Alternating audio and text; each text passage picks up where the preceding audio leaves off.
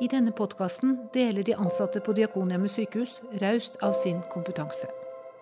Jeg heter Pernille Lønne Mørkhagen og er kommunikasjonssjef på sykehuset. Tittelen min er fin, men det er alle ansatte som hver eneste dag møter mennesker i deres mest sårbare situasjoner, som er de egentlige kommunikasjonssjefene hos oss. I min sykehushverdag snakker jeg med dem om faget deres og om alle møtene med pasientene som gjør hverdagen så meningsfull. I denne episoden møter du Sissel Urke Olsen. Hun er klinisk ernæringsfysiolog og har jobbet på sykehuset i 20 år. Hun har nylig tatt en doktorgrad i underernæring hos eldre pasienter. Om et øyeblikk skal du få høre hva Sissel mener om mattrender og superdietter. Hei, Sissel. Hei, Pernille. Aller først, hva gjør en klinisk ernæringsfysiolog? En klinisk ernæringsfysiolog vi bruker ernæring som en del av den medisinske behandlinga. Og vi kan både forebygge, utrede, diagnostisere og behandle ernæringsrelaterte sykdommer. Ja, Og mer spesifikt, hva gjør kollegaene dine her på sykehuset? Hvor mange er dere, forresten? Vi er ca. fem stykker. En del som jobber ned her på sykehuset.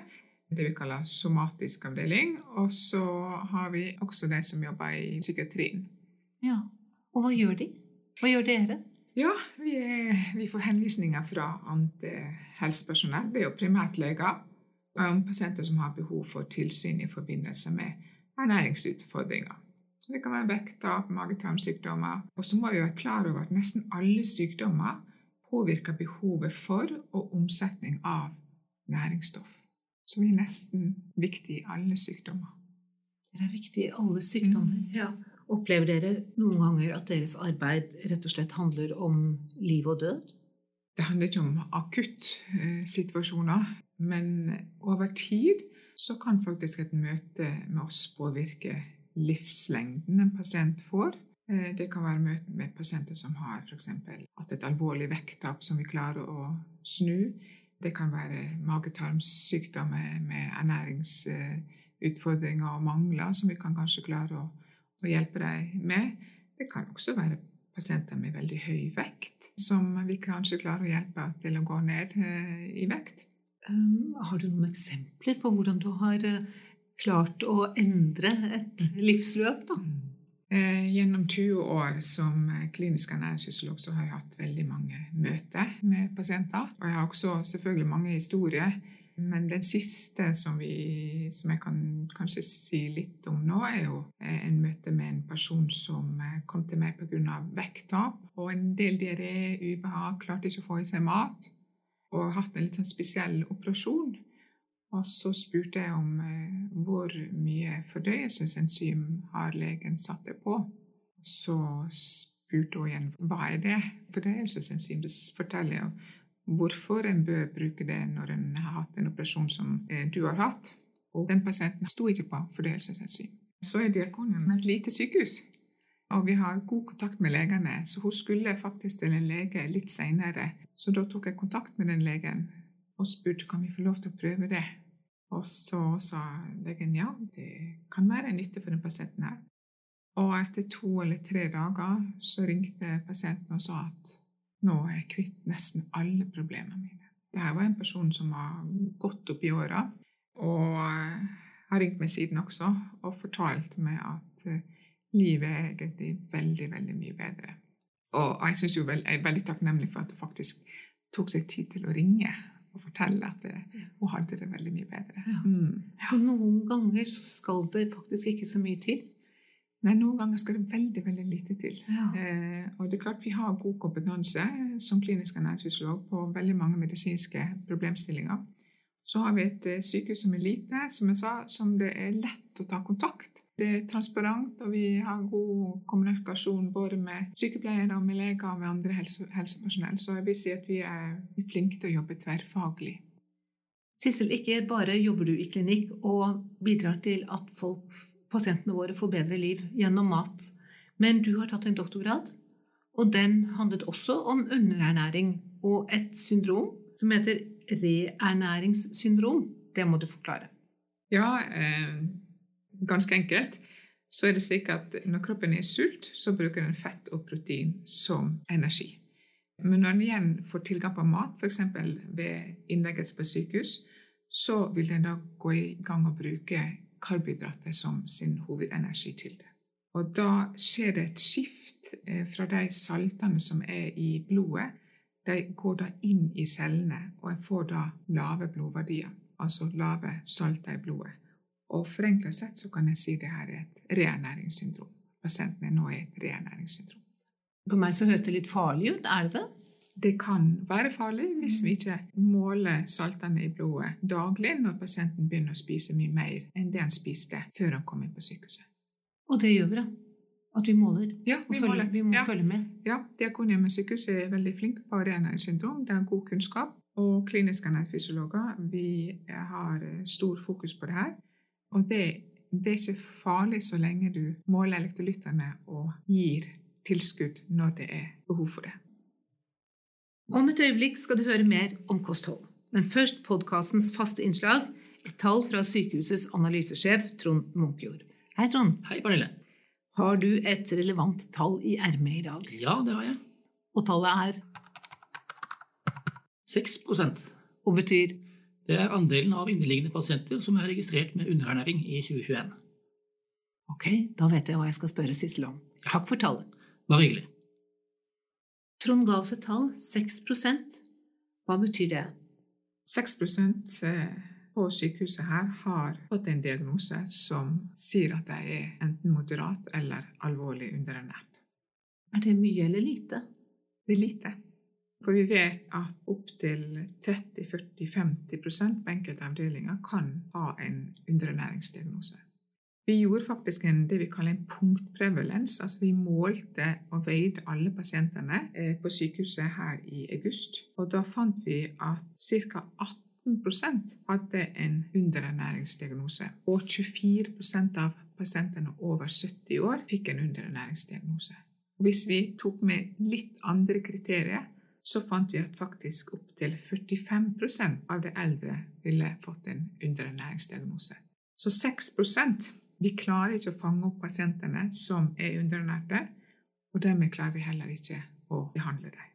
Til å sette en diagnose gir et godt signal oppover at det er en stor andel pasienter som er underernært. Og De ligger jo ofte lenger på sykehus, og det har flere komplikasjoner, og det kommer oftere inn.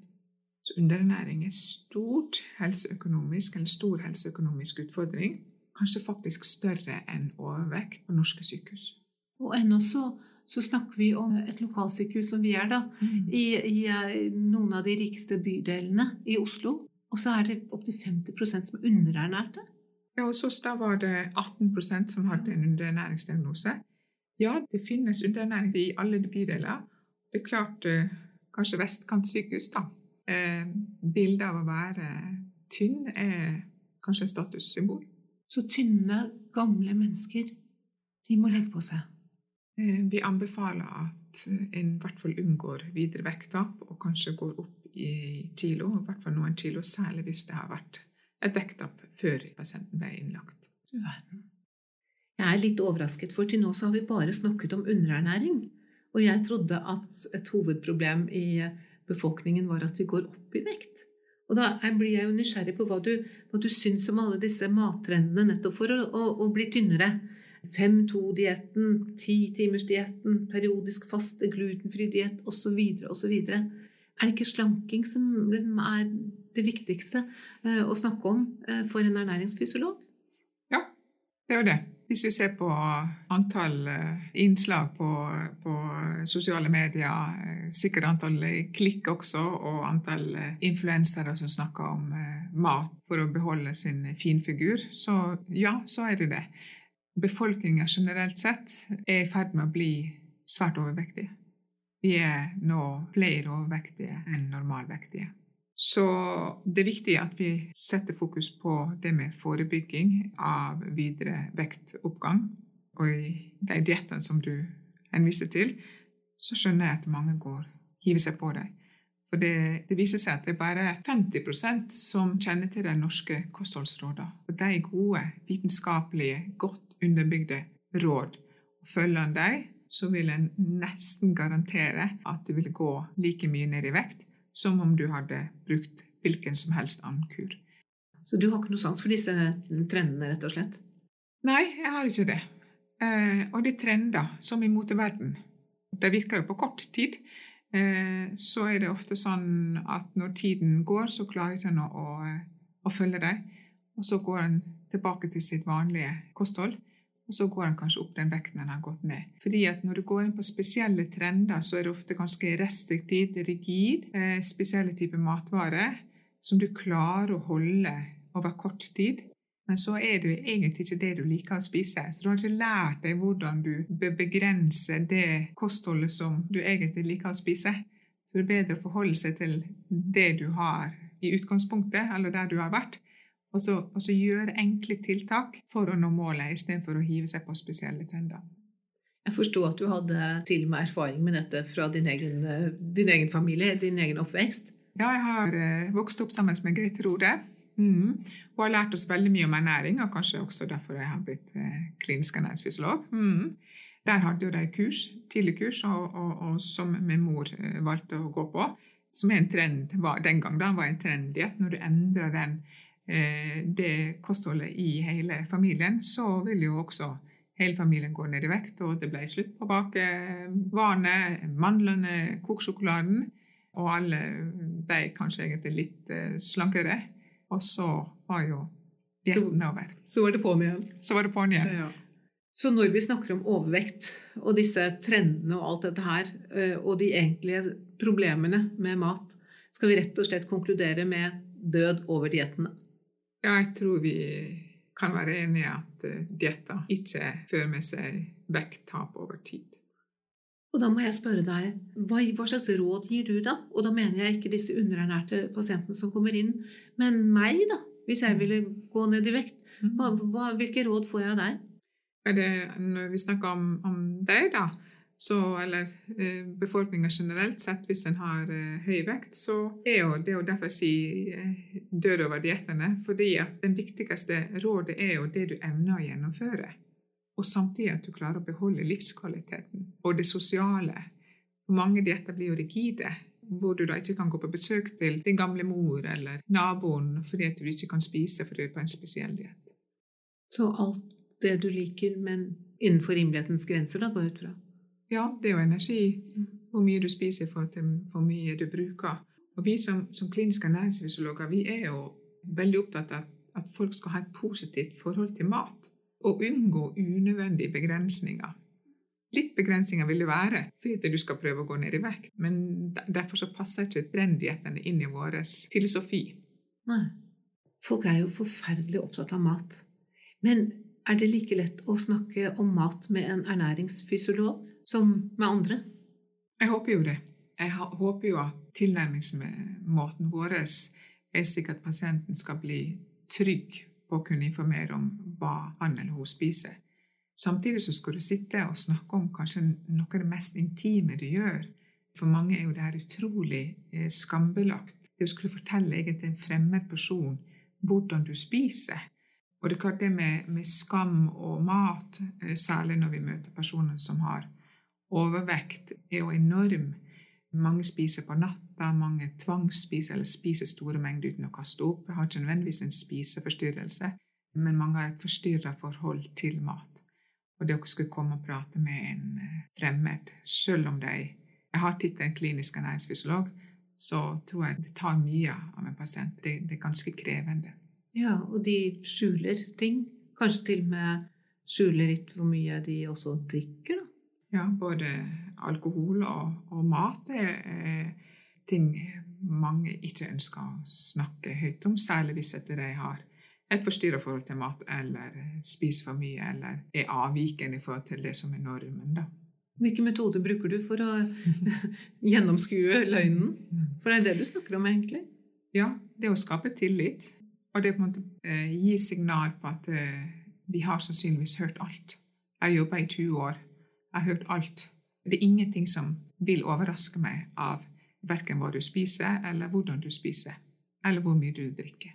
Det viktigste er at vi får det frem, slik at vi har noe å jobbe med videre. Og kun da når vi mål. Ja, og noen ganger så blir jo de du møter, eller har de blitt, de du møter, så opptatt av, av maten og disse trendene og hva det nå er, at de har utviklet ortoreksi. Hva i huleste er det? Ja, det, noen ønsker å gå ned i vekt, noen ønsker å gå opp i vekt, noen ønsker å følge trender. Og så blir det da en sykelig opptatthet av å spise sunn og riktig mat. Så det er egentlig nesten like ille for en person som har ortoreksi, å spise mat som ikke hører inn under det han har eller hun har satt som lovlig mat, som en person med spiseforstyrrelse skal spise f.eks. en is. Så det er en slags spiseforstyrrelse? Ja. Mm. ja. Og det går utover uh... Det går utover uh, personens både sosiale uh, liv. Den overopptattheten blir å planlegge neste måltid, sikre seg at alt på en måte er økologisk eller dyrka på spesielle måter, eller om det kan være både trenger ikke nødvendigvis være veganer eller de som ikke ønsker å spise kjøtt eller animalske produkter. De sjøl har satt sine regler Mm. Så når jeg faller når man spiser mat som er utenfor sine regler, da kommer kanskje angsten eller bekymringa eller eh, Så da har maten brakt oss langt inn i psykiatrien, rett og slett? Mm. Kliniske næringsfysiologer jobber jo også veldig ofte med personer med spiseforstyrrelse. På forskjellig nivå og forskjellige diagnoser. Det er veldig mange forskjellige måter å, å spise på og ha avvikende forhold til ja. maten. Og der kan dere bidra? Der kan vi bidra. Ja. Mm. Nå har vi snakket om sykelig underernæring, og vi har snakket om overernæring, og vi har snakket om hvordan man kan bli syk av matinteresse. Men du som er eksperten her, hva er det ultimate kostholdsrådet, da? Det viktigste kostholdsrådet det er jo et, eh, et, vanskelig tema. Og nå må jeg faktisk veie litt eh, mine ord. For eh, ernæring og kosthold er faktisk for mange et svært ømtålig tema.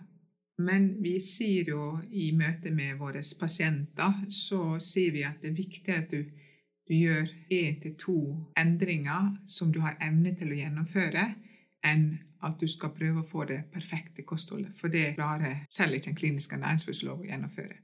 For det er jo viktig å kunne gjøre små endringer samtidig som du skal nå et mål og beholde livskvaliteten og den sosiale settinga.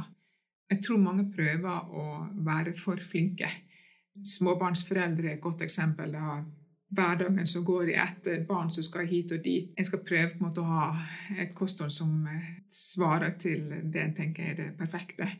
Men det går ikke. Og det tenker jeg godt nok. Hvor mye klarer du å få til? Det er klart Hvis du har store avvik, så må man selvfølgelig prøve å endre, endre på det. Men for det er ikke alltid at en trenger å endre på kostholdet sitt radikalt for å egentlig møte de anbefalingene som ligger der ute. Så derfor så, så, så, er jo kanskje mitt ønske og kostholdsråd er også faktisk gjøre seg kjent med de norske kostholdsrådene. Fordi at de er gode, og de er ikke rigide. Og du, du, kan tolke det egentlig litt sånn som du vil, og, og gjøre endringer som passer til akkurat deg. Klart Hvis det er vekttap, så må du tilpasse energiinntaket, men, men det, det, er gode råd. Mm. Takk for det, da. Eh, et avsluttende spørsmål til deg som ikke handler om mat, men som handler om verdier. Og jeg spør alle sammen som kommer til podden. Diakonium sykehus har fire kjerneverdier. Respekt, kvalitet, tjeneste og rettferdighet. Dette er verdier vi har valgt for at vi skal ha mer enn konkrete kvalitetstall å strekke oss etter. Kjerneverdiene våre brukes aktivt i mange diskusjoner når vi står i etiske utfordringer. Og så spør jeg deg hvilken verdi trigger deg mest? det er jo alle gode verdier. Men jeg tror det med rettferdighet er en verdi som trigger meg kanskje aller mest. At jeg skal få altså, lik behandling for sin problemstilling, uavhengig om du, hvilken alder du er, hvilken diagnose du har, hvilken kjønn, hvilken økonomi du har. At skal, alle skal få måte den behandlinga de har rett til, da, uavhengig av, av bakgrunn. Så rettferdighet?